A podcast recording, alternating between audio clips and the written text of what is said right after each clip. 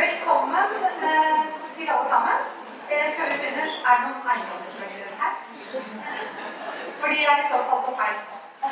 Men vi syns vi kunne se forskjell på kritiske tenkere og eiendomsmeglere. Jeg tror at alle er politiske. Velkommen til runde nummer to med workshops i regi av Samarbeidsforum. Nå var det mange som ikke skjønte noe.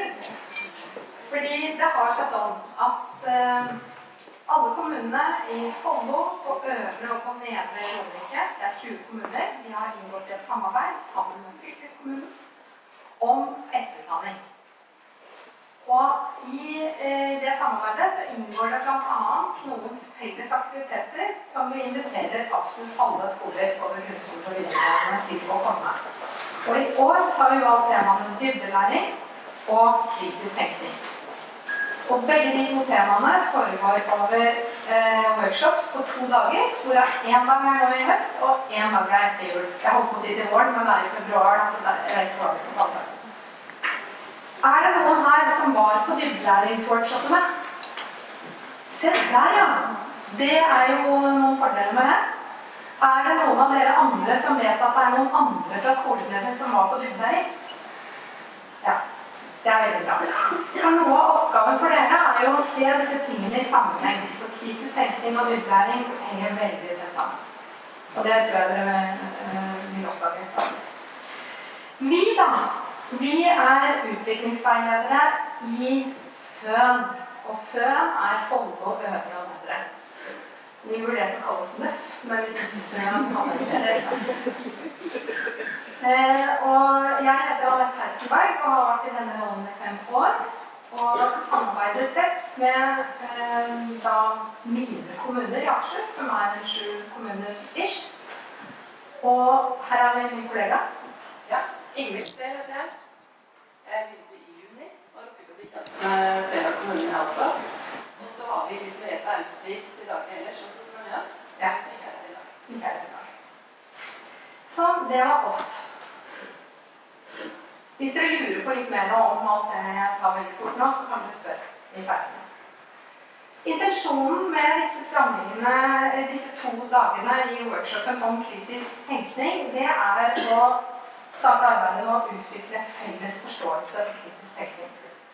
Og det er akkurat det der felles forståelse som er eh, nøkkelordet her. For vi har jo noen forståelser av ulike begreper alle sammen. Hvis vi skal få til at dette skal bli best mulig læring for elevene, så må vi nærme oss en felles forståelse. Eh, og kritisk tenkning som begrep er veldig tydelig i læreplanformingen. Derfor er det aktuelt å ta det opp nå. Vi ønsker å formidle grunnleggende kunnskaper om kritisk tenkning, både som begrepet blir brukt i internasjonal forskning og i nasjonal utdanningspolitikk. Og når jeg sier vi, så er det Oslo OsloMet som er vår samarbeidspartner på dette temaet. Så vi er bare sånne riggere, mens Oslo OsloMet har fagmiljøoppdrag. Eh, de skal også gi eksempler på hvordan kritisk tenkning kommer til uttrykk. Jeg har bare lyst til å gi en litt overordnet kommentar. For vi fikk noen tilbakemeldinger etter dybdelæringsworkshopen om at det var litt lite workshop og litt mye enveis. Og svaret vårt på det er at workshopen går over to dager, og at vi tror at etter to dager så har man en opplevelse av at vi har vært på workshop. Og hvis ikke, så skifter vi navn neste år. Men eh, det er sånn vi trenger tilbakemeldinger på etter hvert.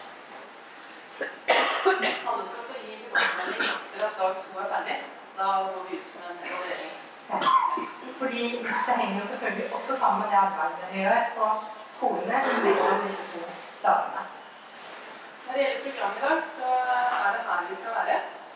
I pausene så er det lov å rusle hvor man vil, men det er her serveringen skjer. Eh, og det gjelder også lunsjen. Det er mange her i dag, så vi eh, har bedt om å få serveringen hit. Så det blir eh, bagetter med diverse pålegg. Vi eh, skal ha én økt nå før første pause med introduksjon. Eh, og så eh, skal vi se på ulike tilnærminger til kritisk tenkning før lunsj. Og etter lunsj så går vi litt lenger ned i skolen og ser på eksempler fra møtested mellom fagdidaktiske retninger eh, sett fra elever og lærerperspektiv. Og etter pausen da så skal dere få lov til å jobbe litt mer. Eh, og før vi går herfra i dag, så håper jeg at vi er i gang med eh, en litt mer detaljert plan for hvordan vi skal jobbe videre med dette temaet. Rent praktisk så er det doer når jeg går flyvertinne. Ut døra til venstre, så er det noen glassdører borti der. Og så helt nederst eh, bak den nederste kaffedingsen. Så det er doer begge retninger. Og så er det enkelhet her som er åpent, men det er noe gærent. Det har du kanskje allerede oppdaget. Og det er det jeg vet. Så når dere kommer tilbake, så er det i hvert fall åpent. Men foreløpig er det da. Vi vet at noen har vært der før. For de som ikke har vært der, så liker vi å, å ta med et bilde og snakke litt om læreplanen generelt før vi begynner. Eh, og dette bildet av et tre, det bruker vi fordi vi syns at de ulike delene av treet symboliserer de ulike delene av læreplanen på en ganske god måte. Hvis man ser for seg at røttene på dette store treet er opplæringsloven med formålsparagrafen og dens innhold, så skal man kunne stå støtt når man begynner å, å gro. da, å gro og vokse opp og bli en stamme. Og stammen i dette treet, det er overordnet tre. Eh, med viktige prinsipper for opplæringen. Og ut fra denne stammen så forgrener fagene seg. Eh, og for gleden din er det blader, så er alt det dere gjør innenfor fagene. Eh, I tillegg til eh, det så er det noen nye friske iblant som eh, spirer fram. Og det sammenligner vi med ulike nye ting som kommer. Det være seg ord som kritisk tenkning eller satsinger som eh, Utdanningsdirektoratet til nå har kjørt. Mange her har hentet vært med på ungdomsskole utvikling, eh, vurdering for læring, ny gir sånne ting som det.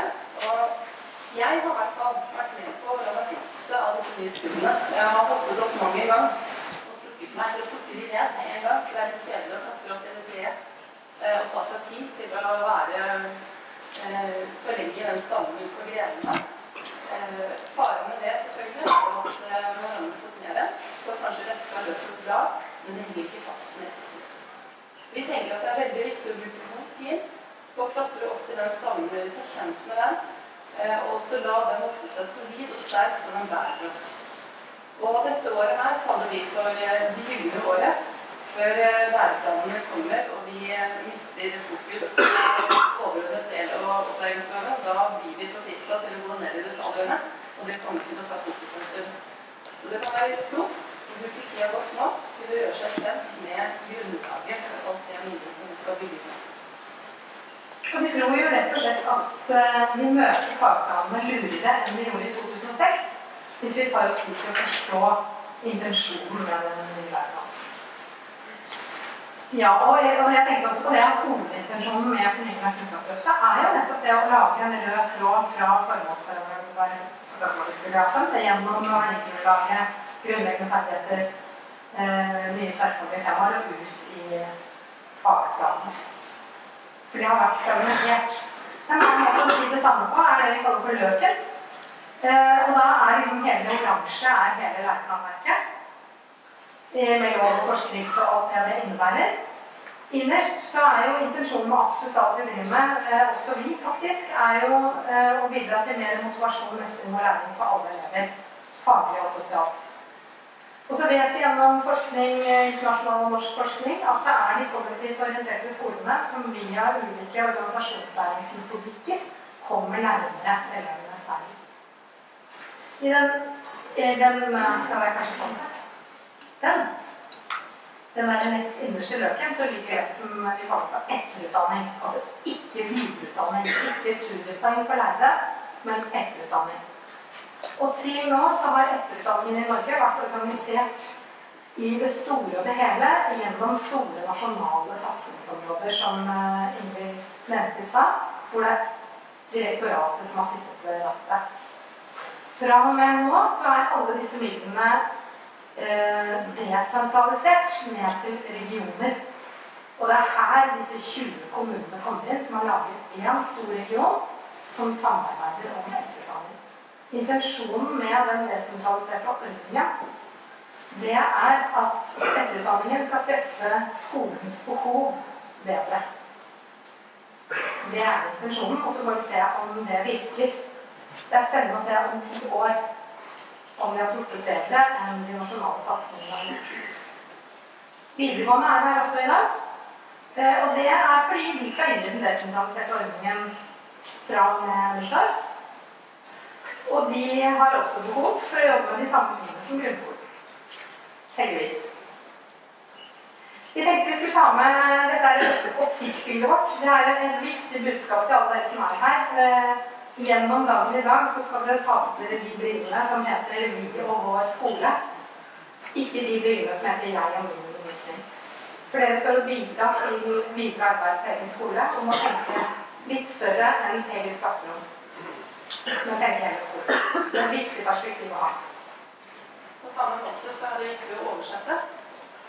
Eh, det som eh, gjelder eh, det som ble sagt fra scenen som kanskje lettest å relatere til barneskolen f.eks., det må dere selv oversette til ungdomsskolen og videregående der dere er. Det er mange her som er lærere. Og det betyr at dere ikke nødvendigvis har myndighet til å bestemme hva som skal skje når dere kommer hjem igjen. Men det er viktig allikevel at dere oversetter lederperspektivet inn til lærerrollen og omvendt, og får formidla på en god måte når dere kommer tilbake hva det er det er snakk om. Da er vi innom eh, våre forventninger, og det er jo at dere må prøve å knytte det som dere hører i dag, sammen med det utviklingsarbeidet dere allerede er i gang med på skolen. Uh, jeg går ut fra at det er ganske mange skoler som allerede er i gang med å se på ny overordnet til læreplanformingen. Eh, vi forventer da ikke at dere her i dag skal lage helt konkrete planer med milepæler og ansvar og datoer og sånt for hva som skal skje fremover. For det forstår vi at ikke alle har mulighet til å gjøre. Men vi kommer til å be dere om et kort notat helt på slutten av dagen, hvor vi gjerne vil ha de tankene dere tenker om videre arbeid. Og så forstår vi at det ikke er bindende. Men det gir oss i hvert fall noen innspill til eh, planlegging av dag to.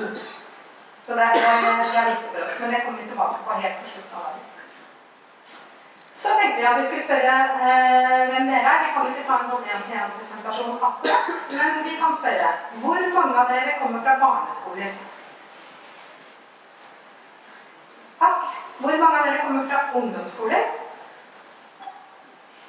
Hvor mange av dere kommer fra videregående skoler? Hvor mange av dere kommer fra universitet- og høyskolesektoren?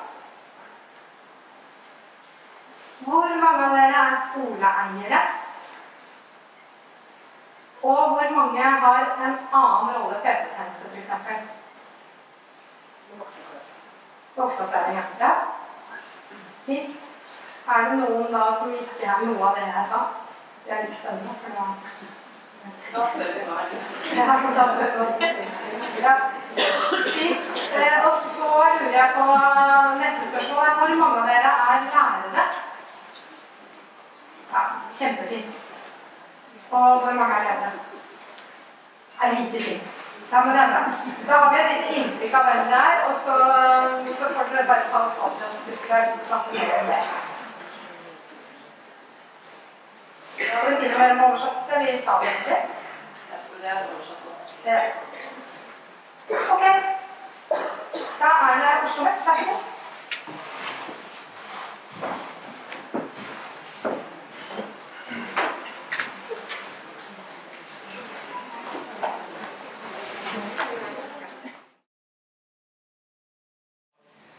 Ja, eh, så begynner jeg. Mitt navn er Erik Ryen. Jeg jobber eh, med samfunnsfaglærerutdanning på eh, Oslo Met. Eh, det siste året særlig så har jeg jobba veldig mye med kritisk tenkning. Eh, jeg har vært opptatt av det hele karrieren min, men det er først de siste årene det har vært noe som har brukt eh, veldig mye tid på. Og det er nok noe av grunnen til at jeg har blitt bedt om å, å komme her og holde foredrag eh, på det i dag. Eh, et veldig veldig spennende tema. Jeg er veldig glad for å se så mange eh, folk her. Eh, når vi skal snakke om eh, kritisk tenkning i dag, Og så er det knytta til eh, fagfornyelsen. Eh, og I denne første delen eh, nå så vil vi bruke en del tid på disse dokumentene her. Dette er da de tre sentrale eh, dokumentene som ligger til grunn for fagfornyelsen. Eh, det borteste ser jeg, det er Ludvigsen sin første, Ludvigsen-utvalget sin første rapport. Kunnskapsgrunnlaget. Elevens læring i framtidens skole.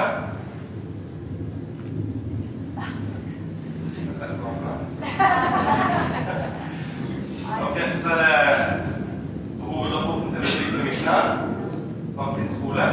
Og så er det Stortingsmelding 28, som eh, da danner konkret grunnlaget for den eh, lærerbevegelsen som nå er i, gang med utforming av fag. Så det er altså i 2014. Vi ser tidslinjen her. 2014 på den første rapporten. 2015, 2016. Nå er vi 2018.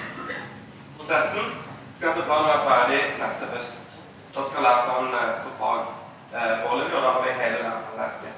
I mellomtida så, så er jo også overordnet del, som dere sikkert det er vedtatt i fjor. Som også er en viktig del av læreplanverket. Eh,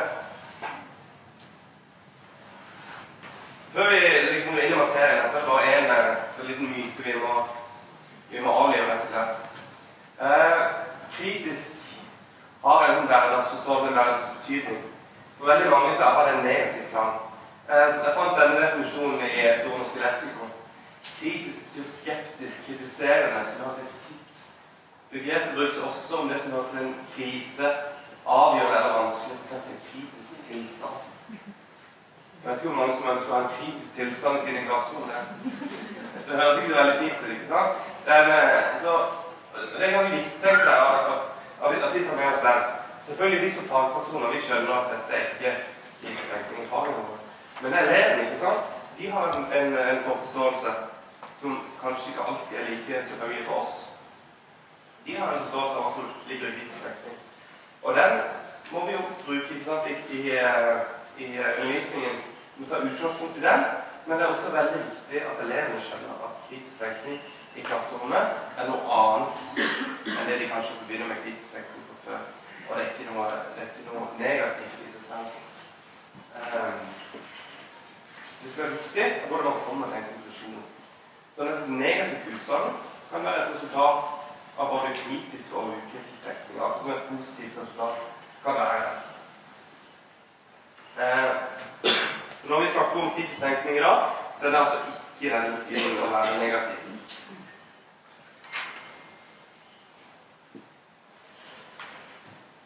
Så tenker jeg Hvorfor sitter altså hvorfor driver jeg jobber så mye med kritisk tenkning? Hvorfor eh, studerer dere her i dag på en workshop om kritisk tenkning? Selvfølgelig er det mange grunner til det. Jeg skal ikke stå her og si at kritisk tenkning er liksom en, en ny oppfinnelse. Det er noe vi har funnet på som man skal inn i skolen og, og mat. På ingen måte. Det det er selvfølgelig en, et sentralt begrep. Har vært det lenge ikke sant? I, i skoler og vitenskap og, og sånt. Men eh, grunnen til at vi kanskje har fått litt mer fokus nå, en av grunnene til det, er at det har blitt løfta inn i en ny kompetansedefinisjon. Eh, definisjonen fra 2006 av kompetanse, som er den vi forholder oss til nå, i dagens læreplan, Kompetanse er evne til å løse oppgaver og mest komplekse utfordringer. Elevene viser kompetanse i konkrete situasjoner og bruker kunnskaper og ferdigheter til å løse oppgaver. Det kjenner dere godt. Et av, et av formålene med eh, lærerfornyelsen har nettopp vært å gjøre den mer tilpassa framtidige behov. Man har sett at eh, kompetansedefinisjonen er for smal kommer mer tilbake til det etter hvert. Men allerede nå kan vi konstatere at kritisk tenkning løper inn forståelse og eventuell funksjon av kritisk tenkning i definisjonen. Så har man løfta det opp. Ikke bare kommer det inn i forskjellige fager, på ulikt vis, løftes inn i selve definisjonen av kompetanse. Og det er den definisjonen som alle kompetansemåler vil måtte forholde seg til. Det betyr ikke at, skal, at man skal ha kritisk som en eksplisitt greie av kompetansemål på ingen måte. Men når man utformer kompetansemålene, i alle fall, så må man ta utgangspunkt i en sånn definisjon hvor kritisk tenkning er en integrert del.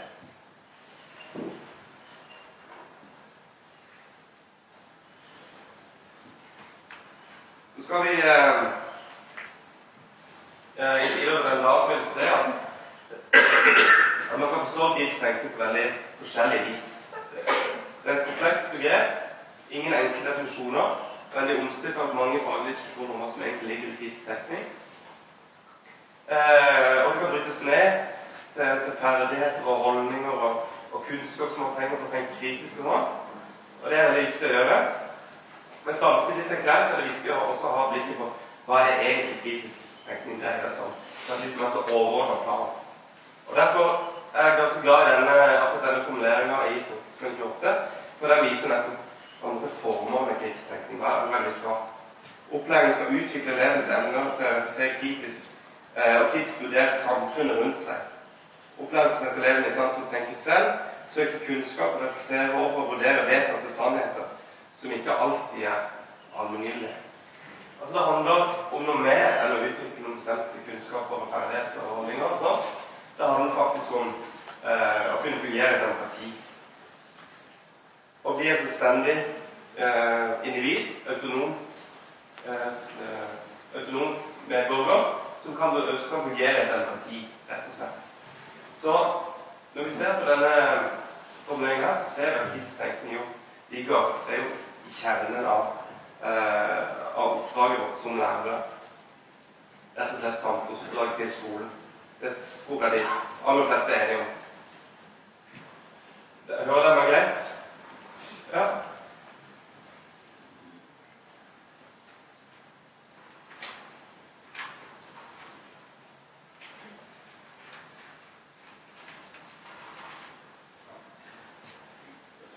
Så kritisk tenkning altså, kommer nå fullt inn i lærerverket.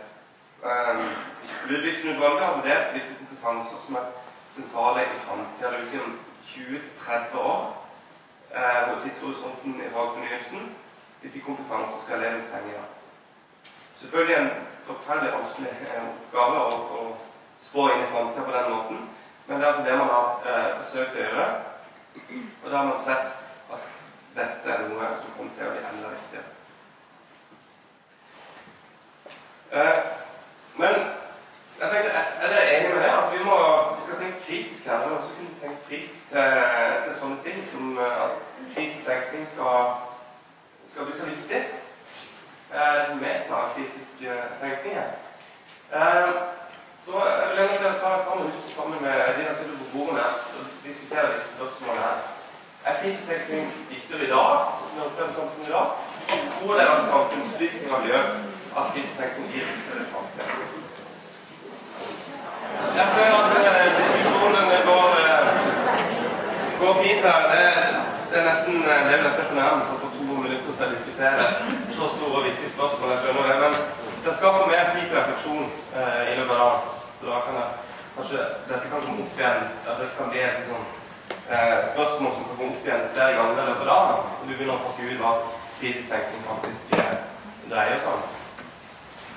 Eh, så skulle jeg også tatt en runde her på de forskjellige bordene. Jeg du brukt resten av dagen til det.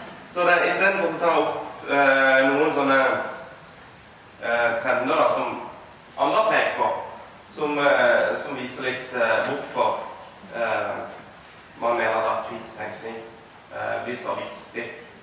Man kan jo se på sånne trender i utvikling av tid. Vi kan kanskje si noe om eh, Kanskje si noe om framtida. Eh, kan jeg få si noe om hvordan vi har beveget oss de siste ti årene når det gjelder eh, eh, hvordan denne saken viser, altså hvor mange minutter ungdom bruker, barn og ungdom bruker på Internett, en gjennomsnittsdag fra 2006 til 2017. Det verste er at det har økt kraftig. Eh, fra litt over 50 minutter da, i gjennomsnitt i 2006 til godt over 150 minutter i 2017 på 100 minutter mer per dag. Og det, hva skjer på Internett? Jo, da står man overfor en stor mengde informasjon. Så det, det betyr at eh, vi har ganske godt grunnlag for å si at barn og ungdom, og selvfølgelig oss alle, utsettes for mer informasjon. Vi får mer informasjon i dag eh, enn det vi gjorde tidligere. Det kan, det kan vi ganske trygt si. Eh, jeg så en eller annen eh, jeg leste en sånn artikkel hvor de, hvor de mente at eh, den, eh, altså den mengden informasjon som vi som produseres i verden i løpet av 48 timer i dag, det er like mye som ble produsert til sammen fram til 2003. Altså i menneskehetens, menneskehetens historie fram til 2003. Like mye produsert i 48 timer i dag. Det er jo da målt i informasjon, så det er selvfølgelig størrelsen på hvor mange eh, gigabyte og terabyte sånn er dette. Det er selvfølgelig, det sier ikke bare noe om mengden tekst og sånn som er produsert, eller bilder som er produsert. Det er produsert mye før også. Men, eh, og I tillegg så har befolkninga økt. Men eh, det betyr også på, eller viser også at ting har blitt digitalisert. Og Det gjør at uh, ting kan uttrykkes ikke sant, i data, uh, bits. Og det betyr også at det kan deles på helt annet, et helt annet vis. Så tilgangen til informasjon er en helt annen i dag enn den har vært tidligere. Og hva skjer når vi, når vi står overfor informasjon? Jo, vi må jo forholde oss til den på et vis. Og da kan vi begynne å nærme oss kanskje dette med kritisk. Vi ser på et, et ord som har det samme, samme etymologiske opphavet som eh, eh, kritisk, nemlig kriterium. Eh, på gresk kriterion. Eh, men det felles opphavet det er det er et verb som heter krinein, som betyr å skjelne eller bedømme.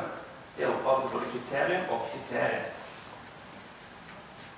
Det er unnskyld, kriterium og, og kritisk. Eh, et kriterium da er jo et kjennetegn. Forhold som er grunnlag for bedømmelse, klassifisering eller beslutning. Og da tenkte jeg blir jo spørsmålet hvilke kriterier er det vi bruker når vi vurderer all den informasjonen? Noen som har kjensel på den varma her? Ja, det er Kellyanne Conway som var sentral i, i, eh, i valgkampen til Donald Trump. Eh, dette sitatet her, som den eh, bygger på, er jo da fra denne innsettelsesseremonien til Donald Trump. Han mente det hadde vært den største menneskemengden i, i historien. Så er det vist noen bilder da, av Obama, hvor mange som var eh, i Washington og så Obama bli innsatt. Og så var det veldig tydelig at det var færre enn en de som så på Donald Trump. Og da ble Kellyanne Conway, som var talsmann for Trump, konfrontert med dette. Eh, hvorfor kommer dere med falskheter, som ble det sagt. Dette er jo åpenbart feil. Vi har to bilder her. Og da sa han dette her som er ganske kjent. Altså vi Trump-administrasjonen ikke forteller ikke ting som er falske eller feil. Vi kommer med alternative fakta. Det var, det var et, nyord da, som eh, kom i, i 2017 med innsettelse av Donald. Alternative fakta. Og da er jo spørsmålet er det, altså, Hvem er det egentlig som eh, altså, Hvordan bestemmer vi hva vi tror på? Er det rasjonaliteten vår? Er det, er det fornuften som styrer? Eller er det kvaliteten ved personen? Hvem er det, altså, hvem er det Hvordan holder vi oss? Kan vi identifisere oss med personen? Er det viktigere kanskje enn eh, innholdet faktisk argumentene? Hvordan vi eh, vurderer det rasjonelt? Eh, eller samsvarer uttalelsen med det vi mener fra før? Velger vi å, å tro på det som samsvarer med vår forhåndsoppfatning? Er det kanskje sånn at eh, vi blir utsatt også i sånn logaritmer sånn i Facebook og sånn, får vi en nyhetsstrøm som bekrefter våre eh, forhåndsoppfatninger? Eller, eller utfordrer vi disse? Bruker vi fornuften eh, kritisk? Hvor kritisk, ikke sant? Jeg vurderer ting. Stemmer dette virkelig? Kan det forsvares rasjonelt? Eh, det her Oxford Dictionary, en ordbok kanskje noen der kjenner, de, de kårer hvert år årets nyord. Hvert år så legger de til en del ord i sin eh, katalog, sin ordbok. I 2016 så var det et, eh, et adjektiv som kom på listen her. Eh, og det er egentlig er altså post-truth. Eh, ordet eh, eksploderte i bruk i 2016. Perioden med Trump siden valgkamp og brexit eh, kampanjen i Storbritannia, som nettopp eh, var kjennetegnet av dette. var forholdt seg ikke saklig til argumentasjon. Det var lite sånn kritisk rasjonell debatt. Man spilte på følelser, folks identitet, i større grad enn tidligere. Denne grafen dette som viser egentlig ikke veldig mye. Den viser bare ikke hvor mye ord ble brukt, men den viser hvor altså økningen uh, gjennom 2016 har eksplodert. Så ordet post-truth finner vi også i på norsk. På norsk heter det postfaktuelt. Um, og det betyr nettopp det. Um, du beskriver uh, sånn politikk som har forlatt fakta og sannhet uh, som grunnlag for diskusjon, og gått over til følelser og retorikk.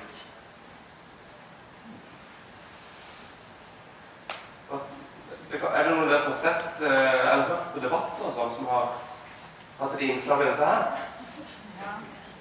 Jeg syns det er gøy å Er det inspirerende å høre på? Nei, det, det er ganske frustrerende. ikke sant? Hvem har ikke sittet og revet seg i håret? Kan du ikke svare på det som du blir spurt om? nå? Kan du holde saklig?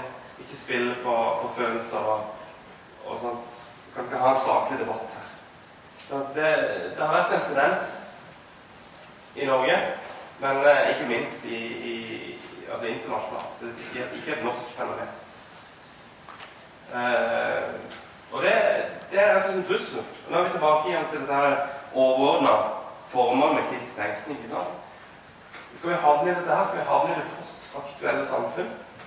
Et samfunn hvor fakta ikke nødvendigvis er avgjørende mening for folk. Et samfunn som ikke er interessert i fakta, hvor fakta ikke er viktig, hvor vi ikke kan om hva som er fakta, hvor, vi heller ikke er interessert i å bruke metoder som bringer fakta på bordet. Er det mange som er historielærere her? eller? Er historie?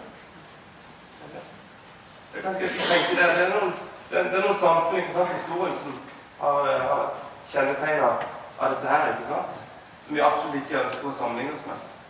Et postfaktuelt samfunn hvor man ikke er interessert i fakta.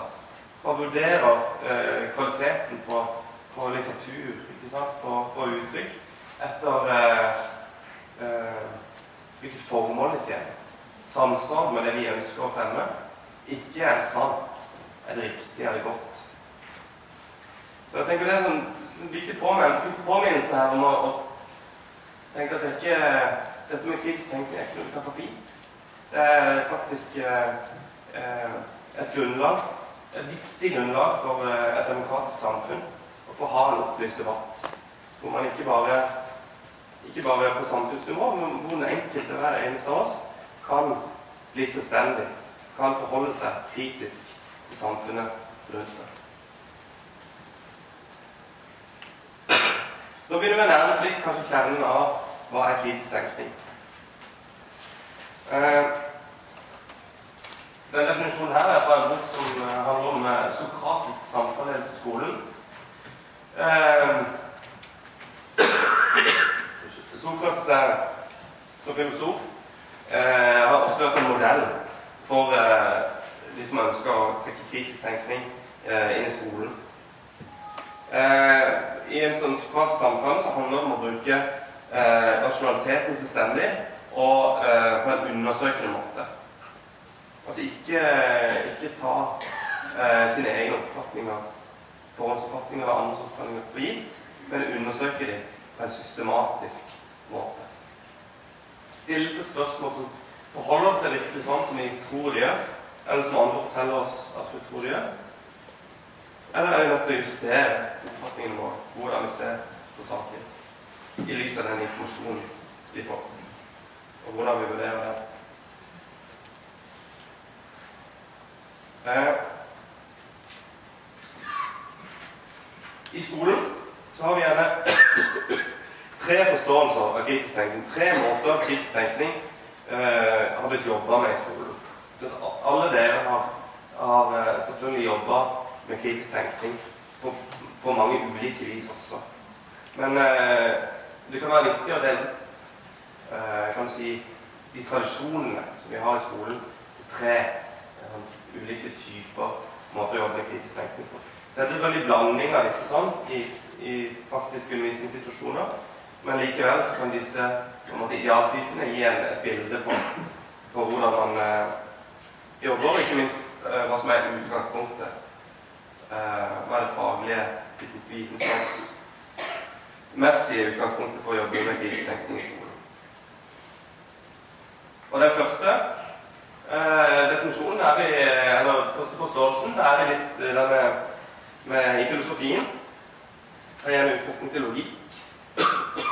Den som har tatt X-fil, kanskje vært borti dette med logikk ikke sant, som et eget studium. Næss og sånn, og neste for det.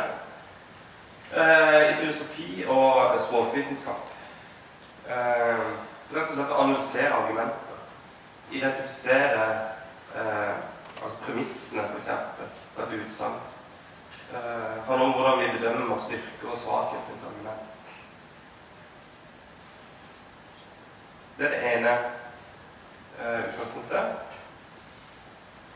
Det andre har eh, et utgangspunkt i, i eh, vitenskapelig metode. Den nye måten å tenke vitenskap på eh, fra opplysningstida hvor man eh, går systematisk til verks og anvender vitenskapelig metode for å komme fram til eh, konklusjoner. Da, da, er det snakk om ikke sant, å teste hypoteser. Hvordan kan vi teste en hypotese å få sikker kunnskap? Eh, hvor sikker kunnskap kan vi egentlig få? Den type spørsmål. Eh, og gjør nøyaktige observasjoner. og sånt. Dette er utgangspunktet i, eh, særlig i realfagene.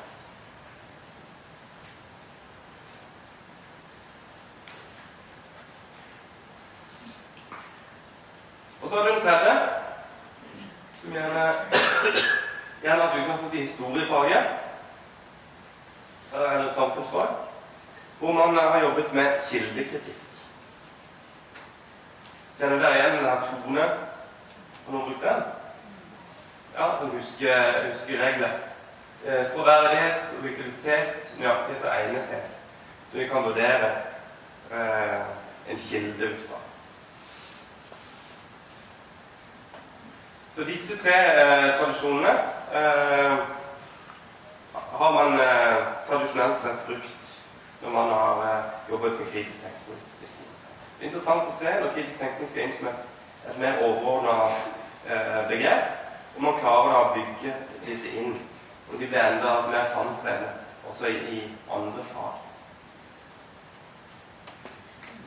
Og hvordan de eh, ulike elementene i hver forståelse eh, overlapper hverandre og kanskje styrker hverandre i arbeidet med kritisk tenkning.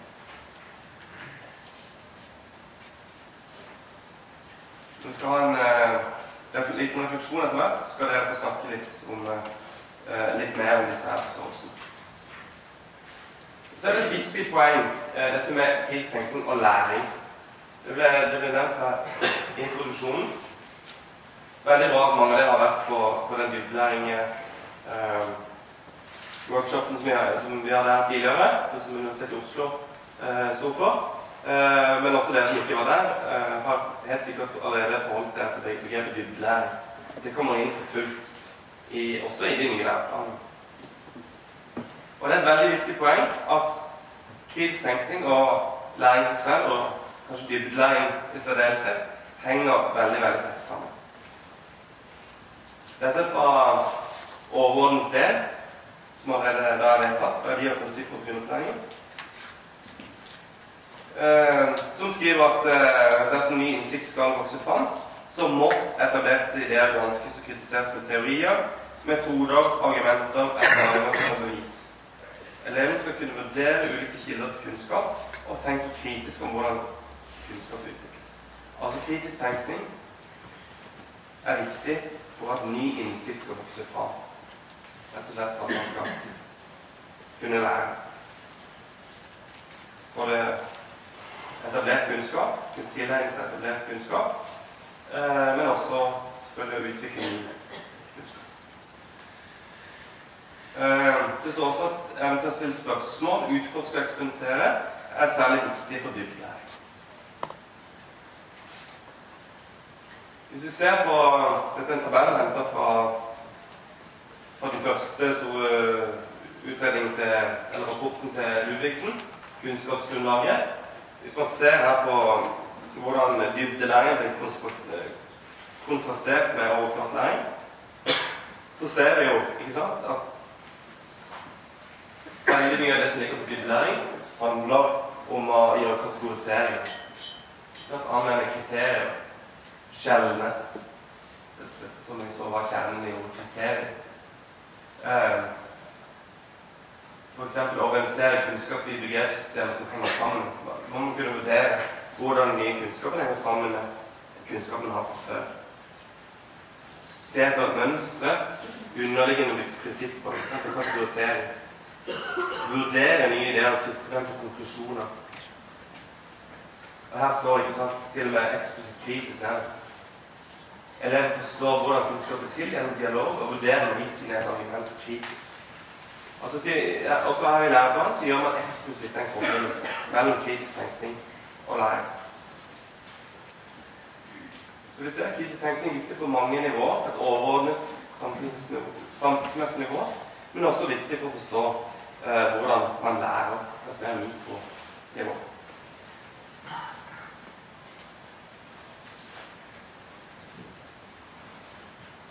Så her, eh, her, har vi og slett eh, begrunnelsen for uh, kritisk tenkning, som uh, står i stortingsmeldingen, at dette skal inn. Uh, anvende og vise hva man kan, ikke sant? Viktig side ved kompetanse. Kompetanse handler om dette her, og ha ferdigheter og kunnskaper. Men man skal også forstå det man har lært. Kunne reflektere over det man gjør, og kunne gjøre kritiske og etiske vurderinger. Og derfor er forståelse og refleksjon og kritisk tenkning inn i definisjonen. Her gjør man eksplisitt hvorfor man har gjort man har valgt å gjøre denne endringen av konkurransedefinisjonen. Og så er det opp til eh, lærergruppen i dag å gjøre at denne kompetansedefinisjonen blir satt, satt ut i livet eh, i kompetansemål som reflekterer denne overordnede ikke bare ambisjonen, men dette overordnede vedtaket at dette skal inn.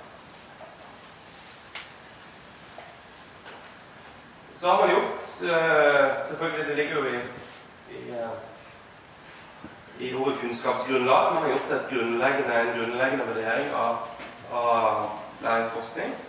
Og uh, man har også, også, sett på Kunnskapsløftet.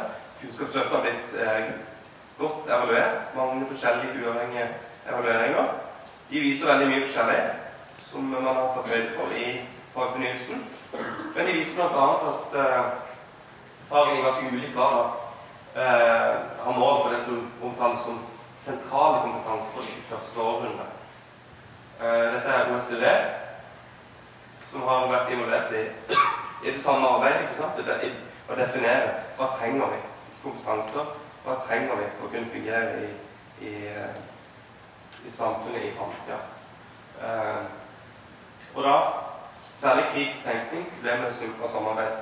Her har man ikke ja, kompetansemål i fag rett og slett faktisk tatt i høyde for dette hvis vi skal følge den forskningen som eh, OECD eh, har utviklet om dette. Så da er vi eh,